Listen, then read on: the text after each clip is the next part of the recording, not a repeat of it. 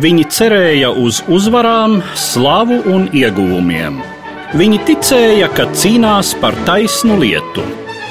Ticēja, ka šai cīņā tieši viņu pusē ir Dievs.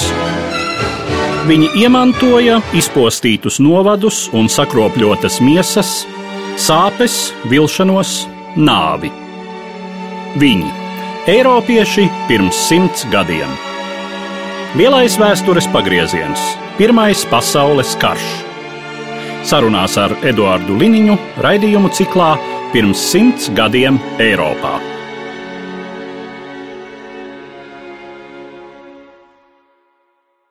Labdien, cienījamie klausītāji! Šodien mēs atkal pievēršamies Pirmā pasaules kara notikumiem un Šoreiz palūkosimies uz to, kas notika 1915. gada laikā un 1916. gada sākumā Balkānos.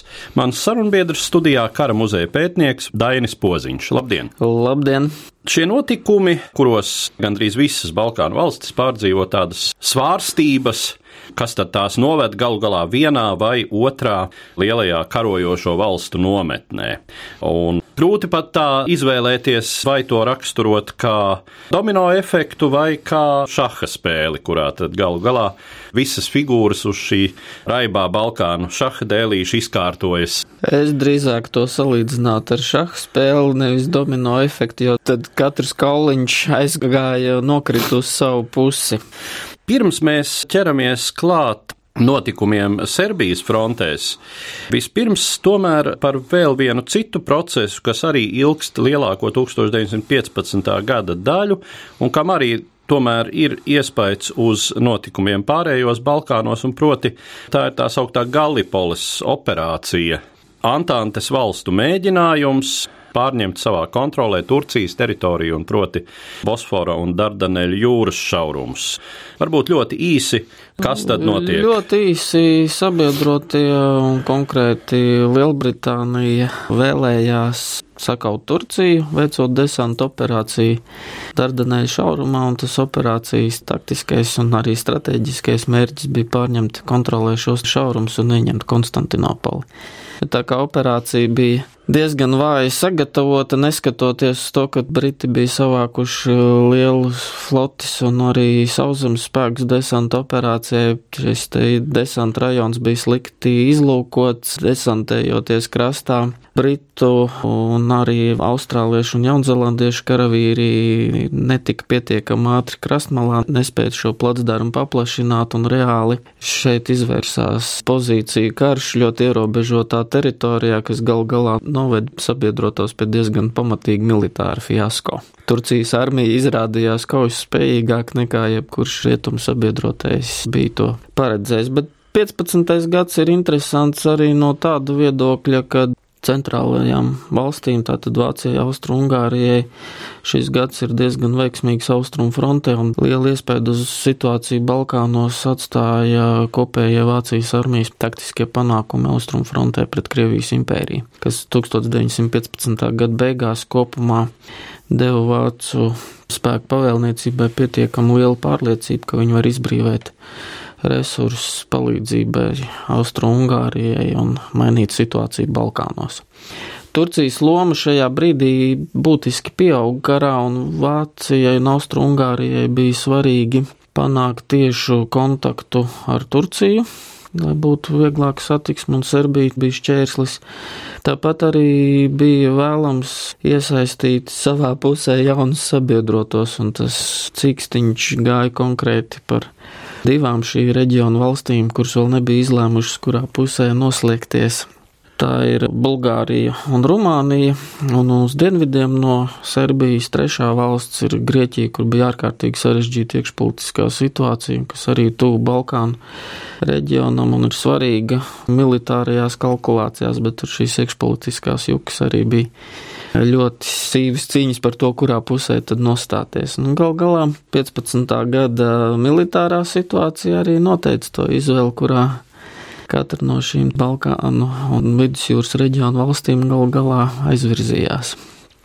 Ja mēs runājam par tādu valsti kā Bulgārija, tad uh, tradicionāli taču Krievija ir Bulgārijas atbrīvotāja no turku jūga, tāds tradicionāls sabiedrotais Bulgāriem. Kas tad noved Bulgāriju? Nu, tradicionāli tas tā populāri tiek uzskatīts, bet 20. gadsimta sākumā Bulgārija bija iesaistīta konfliktā ar Turciju un citiem kaimiņiem, un Bulgāru sabiedrībā radās viedoklis, ka Krievijas impērija šajos konfliktos Bulgārijai nav sniegus pietiekamu militāro palīdzību, un faktiski tur bija pārskrējis pār ceļam liels melns kaķis. Krievijas impērijas un Bulgārijas attiecībās, un gal galā arī Vācija un Austrumgārija Bulgārijai solīja gana daudz. Solīja teritorijas Serbijā, un, protams, beigās, ņemot vērā 15. gada panākumus, kāda bija Vācijas armijai Austrumfrontē, Bulgārija izšķīrās par labu šai koalīcijai. Turklāt jāņem vērā, ka Bulgārija tobrīd bija stipri militarizēta valsts, un neskatoties to, ka iedzīvotāju skaits nav liels, Bulgāri bija izveidojuši skaitliski ļoti liela armija, lai arī tā bija vāja atbruņota, ieroču rezerves nebija liels, bet karavīru skaits bija milzīgs, ņemot vērā valsts iedzīvotāju skaitu. Viņiem bija pār pa miljonus cilvēku mobilizēti. Tas ir milzīgs skaitlis. Ja ievēro, ka Bulgārijas iedzīvotāju skaits. Tobrīd es nepateikšu, bet mūsdienās tas ir ap desmit miljoniem. Tad skaitliski tā nav liela valsts. Ceturtā daļa visu vīriešu bija mobilizēta armijā. Te ir jāatgādina, protams, notikumi neilgi pirms Pirmā pasaules kara un sevišķi jau Otrais Balkānu karš, Jā, nu tas ir tas izšķirošais konflikts. Bulgāri tur cieši neveiksmi diezgan pamatīgu.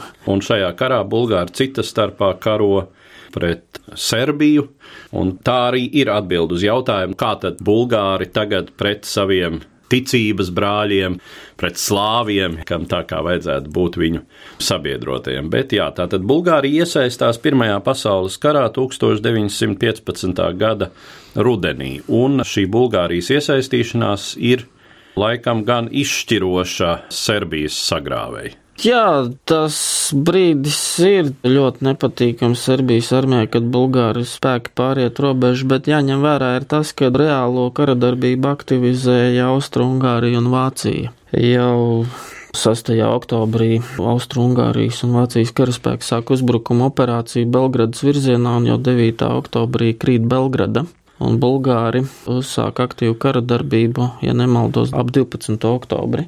Un tas serbus nostāda ļoti neizdevīgā situācijā, jo viņiem jāveic kara darbība ne tikai mēģinot aizsargāties no Austrumgārijas spēkiem, tas ir Serbijas ziemeļdaļā, bet arī no austrumu, dienvidu austrumu puses pret uh, skaitliski diezgan lielām divām armijām, un konkrēti otrā Bulgāra armija veiksmīgi veic šīs uzbrukuma operācijas, un serbiem reāli draudēja nokļūšana uh, ielenkumā. Serbi aizstāvējās izmisīgi, un ņemot vērā, cik trūcīgi bija apgādāti viņu bruņotie spēki, aizstāvējās diezgan prasmīgi iespēju robežās. Te rodās arī jautājums par sabiedrotajiem, kā tad uz šo Vācijas, Austrungārijas un Bulgārijas spēku uzbrukumu norēģēja Antantas valstis. Jāņem vērā, ka 15. gads rietumu sabiedrotajiem Nantantei kopumā nebija sevišķi veiksmīgs gads. Plāni bija lieli, bet to realizācija grūta un būtībā nec Francija, nec Lielbritānija sevišķi lielus spēkus izdalīt tīri fiziski nevarēja. Savukārt Krievijas impērija nespēja sniegt Serbijai tieši militāru palīdzību, izmantojot Rumānijas teritoriju, jo Rumāņi tobrīd vēl ievēroja neutralitātes politiku. Serbija bija izolēta. Vienīgais Serbijas sabiedrotais bija nelielā Melnkalnes armija. Melnkalnes armija 1916. gada pašā sākumā diezgan veiksmīgi nosedza serbu spēku atkāpšanos Albānijas virzienā, lai arī Melnkalna tiks bruņotie spēki sakauti. Angļu un franču spēki, kas tika izsēdināti Salonikos, arī no dienvidu puses nevarēja tikt klāt, jo neskaidrās politiskās situācijas dēļ no Grieķijas puses viņi tieši iesaistīties karadarbībā nevarēja.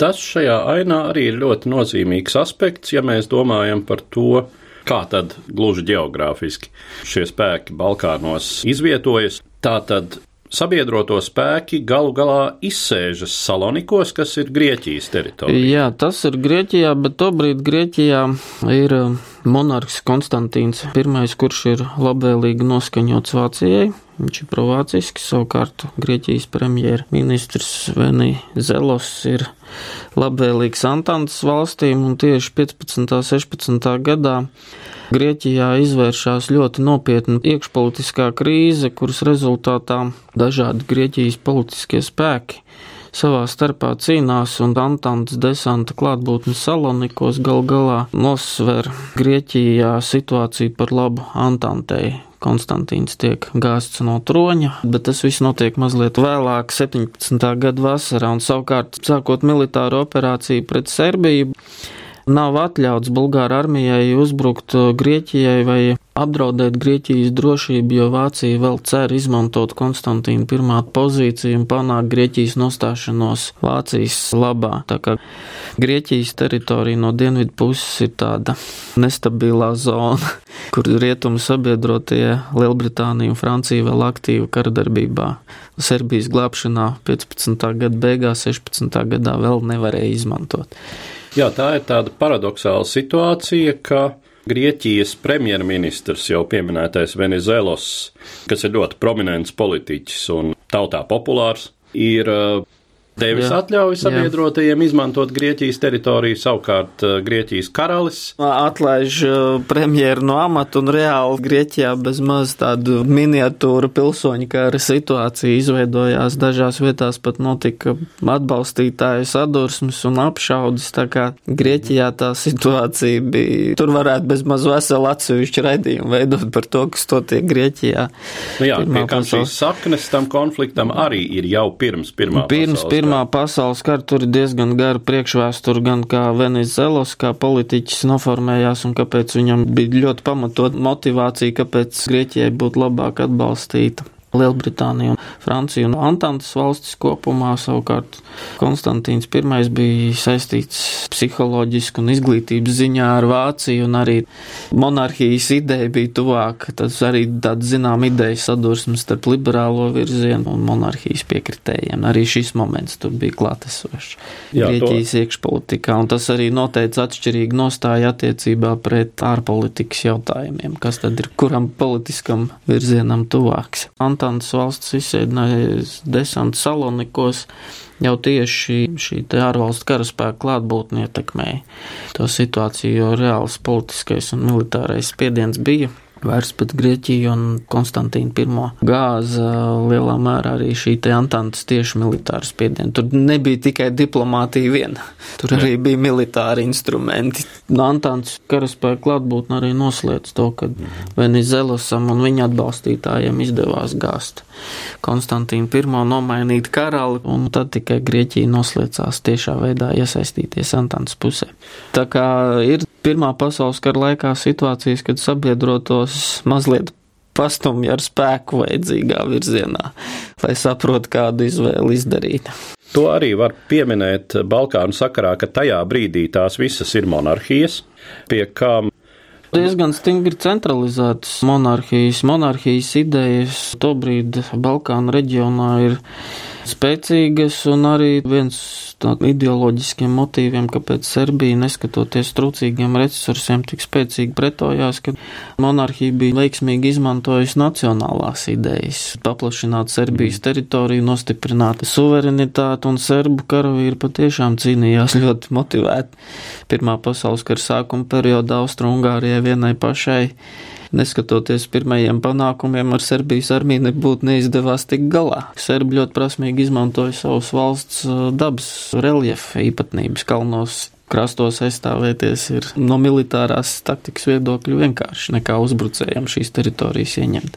Tas lūzuma faktors ir tas, ka Vācija kopumā 15. gadā taktiski veiksmīgi darbojās Austrum frontē un Vācija izdalīja diezgan būtisku palīdzību Austro Ungārijai un tieši Vācu ģenerālfeldmaršals Makenzens reāli izplānoja šo militāro operāciju, kā karot pret Serbiju. Tā kā no taktiskā un tehniskā viedokļa izšķirošā nozīme tomēr ir Vācijas pozīcija, un arī Vācijas nostāja iespaidoja to Bulgārijas lēmumu. Ja vācieši nebūtu tieši atbalstījuši Austru-Ungāriju, arī Bulgāri būtu krietni ilgāk domājuši, ko viņiem tad tālāk darīt.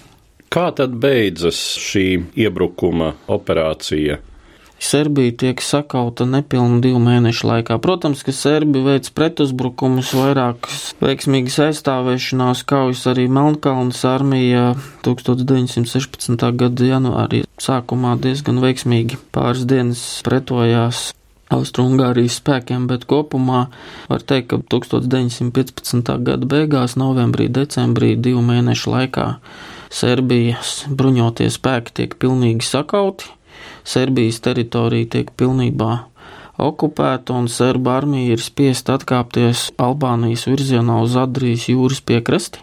Un serba armijā ejot prom, līdz dodas arī liels civiliedzīvotāju skaits.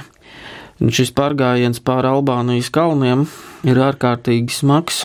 Daudz civiliedzīvotāju iet bojā, un Šīs atkāpšanās laikā serba armija zaudēja vairāk karavīru nekā tieši pašā uzbrukuma sākuma stadijā. Tur sākumā rēķinot uzskata, ka novembrī, decembrī serba armija zaudēja apmēram 30 tūkstošus kritušos un ievainotos.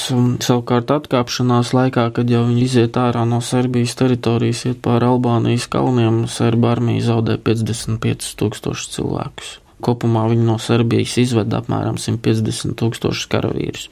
Un tad sabiedrotie tos evakuēja uz Korfu salu, uz Bizertu. Tad jau vēlāk, kad Serbijas armija tiek pārgrupēta, Grieķija iesaistās kara darbībā. Antantas valsts pusē šī evakuētā Serbijas armijas daļa tiek izmantota Serbijas atbrīvošanai viņa atkal iesaistās kara darbībā. Un kopumā Serbija ir viena no tām valstīm, kura piedzīvo ārkārtīgus lielus un smagus dzīvā spēka zaudējumus. Procentuāli ar citām Antantas valstīm Serbijā ir visaugstākais bojā gājušo skaits īpatsvaru ziņā. Jūs piesaucāt militāru personu zaudējumus, kādi ir apmēram civiliedzīvotāju zaudējumi? Nu, atkāpšanās laikā, ko dažkārt literatūrā arī sauc par serbu tautas Golgātas ceļu, Pēc dažiem skaitļiem ap 200 tūkstošiem civiliedzīvotāju gāja bojā augstumā salām no badā.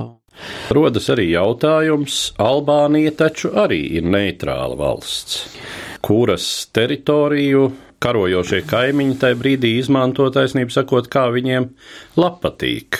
Jā, nu tur itāļi to brīdi aktīvi darbojās, arī briti un franči Albānijai jau īstenībā sevišķi liels izvēles brīvības vairs nebija. Kā tranzīta teritorija, it sevišķi viss tās serba armijas atkāpšanas laikā Albānijas teritorija aktīvi tiek izmantot, un Albānija to brīdi arī nevar uzskatīt par militārā ziņā spēcīgu valstu, un tur tās robeža arī ir diezgan nosacīta. Tur nav tāda robeža kontrola, kā mēs to mūsdienās esam pieraduši. Cik var noprast, tad Albānija tajā brīdī ir zināmā mērā pat tāda kā nenoformējusies valsts. Nu, faktiski tur tāda neskaidra situācija. Reāli viņiem uh, kontrolas tai valdībai pār savu teritoriju to brīdi nav, un tur viss, kam nav slinkums, varēja pārvietoties, kā vien viņiem vajadzēja. Jāatzīmē, ka tā ir arī iespējams tajā brīdī mazattīstītākā valsts nu, Eiropā. Pēc aprakstiem arī tad, kad Serba armija un civiliedzīvotāji atkāpjās pāri kalniem, ir uh, literatūrā un arī atmiņās apraksti, kad vietējie albāņu cilšu apdzīvotie rajoni kaujinieki uzbruk šīm kolonām, mēģina viņus aplaupīt, liedz pārtikas apgādi un arī tur tā centrālā valdība neko tur daudz neietekmē, kas tur notiek Albānijas kalnos. Kas arī starp citu ir atzīmēts, ka albāņu tauta gan ir bruņota, varētu teikt, līdz zobiem, jo mm. tās vietējās tradīcijas ir tādas, ka vīrietis bez augstajiem ieročiem un arī bez šaujamieročiem apkārt nesteigā. Tieši tā. Bet uh, visa tā rezultātā Albānija arī tiek faktiski sadalīta okupācijas zonās. Jā, sabiedrotajiem Albānija bija svarīgi, it sevišķi tajā brīdī, kamēr Grieķija vēl aktīvi nebija iesaistījusies kardarbībā, kas reāli notiek tikai 1917. gadā. Viena no zonām, kur kontrolē ieeju Adrijas jūrā, un Albānija arī sanāk no Albānijas un Itālijas ir tas nelielais gabaliņš kontrolējams, kas bija Austro Ungārijai, kur bija pieeja pie jūras. Pie vidus jūras. Jā, jā, un tāpēc strateģiskā ziņā gan Itālijai, tas Albānijas krasts un arī Grieķija bija svarīga, lai neļautu Austro-Ungārijai brīvi darboties vidus jūras reģionā un Adrijas jūras basēnā. Tā tad eh, Albānijas ziemeļdaļu okupē Austro-Ungārija, savukārt dienvidu daļu Itālija. Teritoriālā ziņā tur intereses sevišķi lielas vai ekonomiskās nebija. Tur drīzāk tiešām bija militārie apsvērumi. Ja, ja Albānija pārņemtu savā kontrolē Austro-Ungārijas bruņoties spēki, tad tas ļautu Austro-Ungārijai kontrolēt lielāku jūras piekrastes daļu, un, lai cik tas dīvaini nebūtu, Austro-Ungārijai tobrīd bija kara flote, lai arī neliela, bet bija. Un tas tad apgrūtinātu Itāļiem savukārt krasta aizsardzību. Tā kā no taktiskā viedokļa sabiedrotie nevarēja pieļaut. Jo Serbijas zaudējums bija pietiekami nepatīkams notikuma pavērsiens. Jo faktiski krītot Serbijai, ja paskatās kartē, tad Austro-Ungārija iegūst tieši pieeja līdz Bulgārijas robežai, savukārt caur Bulgārijas teritoriju centrālās valstis varēja sazināties ar Turciju, nodrošināt tā teikt vienotu transporta koridoru. Un kara apstākļos tas ir svarīgi gan politiski, gan ekonomiski, gan arī tīri militārajā ziņā. Tātad Serbijas sakāve un ieņemšana sniedz šīm centrālajām valstīm, Vācijai un Austro-Ungārijai, tādu ļoti būtisku stratēģisku panākumu. Jā, Serbija sakā, bija diezgan būtisks panākums. Tātad... Turklāt tas arī ļāva izbrīvot diezgan ievērojams spēkus karadarbībai citos frontes sektoros. Bulgāriem nākamā problēma, kas veidojās 16. gadā militārā ziņā, bija Rumānija. Rumānijas tā iekšpolitiskā situācija bija diezgan tāda dīvaina.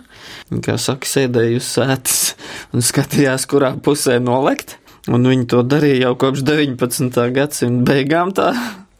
Sākumā tā kā labvēlīgi Vācijai un Austrumgārijai, tad paskatījās, ka Austrumgārija sāka kara darbību pret Serbiju pirmā, un līguma nosacījumi īsti nav tā kā ietverti, tad tas ir iemesls pasludināt neutralitāti un neiesaistīties kara darbībā.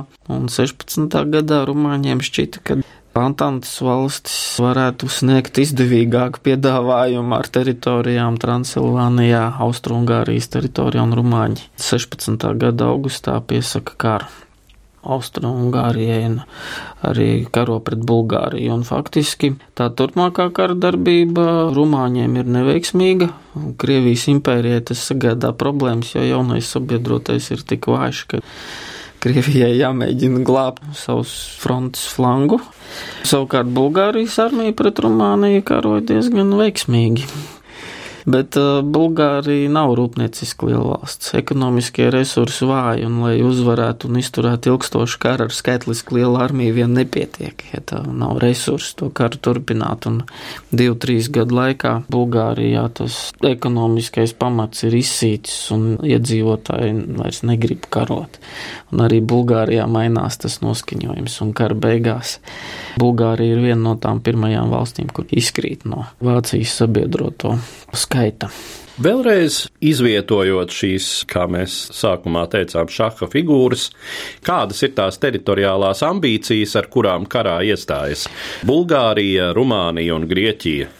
Teritoriālās ambīcijas visām valstīm ir ārkārtīgi lielas un plašas uz savu kaimiņu rēķina. Rumāņiem tas strīdīgais un iekārotais apgabals atradās Austrungārijas teritorijā, tā ir Transilvānija, kur patiešām dzīvoja diezgan daudz rumāņu. Savukārt Bulgāri gribēja paplašināt savu teritoriju uz Serbijas rēķina pierobežas rajoniem un arī Grieķijai bija pretenzijas uz tagadējās Maķedonijas teritoriju, un nepavelt arī mūsdienās tas strīds, kā tad īsti saukt Maķedoniju, turpinās, un Grieķi tur visādus iebildumus ceļ. Tā kā šīs te ambīcijas kaimiņiem bija ārkārtīgi lielas, un katrs no kaimiņiem, skatoties uz otru teritoriju, skatījās, ko tad lielās valstu alianses tiem piedāvā, un kāda ir katras koalīcijas panākumi un kā nu kurš tur bija izkalkulējis, kurš izdevīgāk, tā arī tās izvēles tika izdarītas. Vienīgā lieta ir tāda, ka Balkānu reģionu valstis kopumā neviena no tām, arī Grieķija,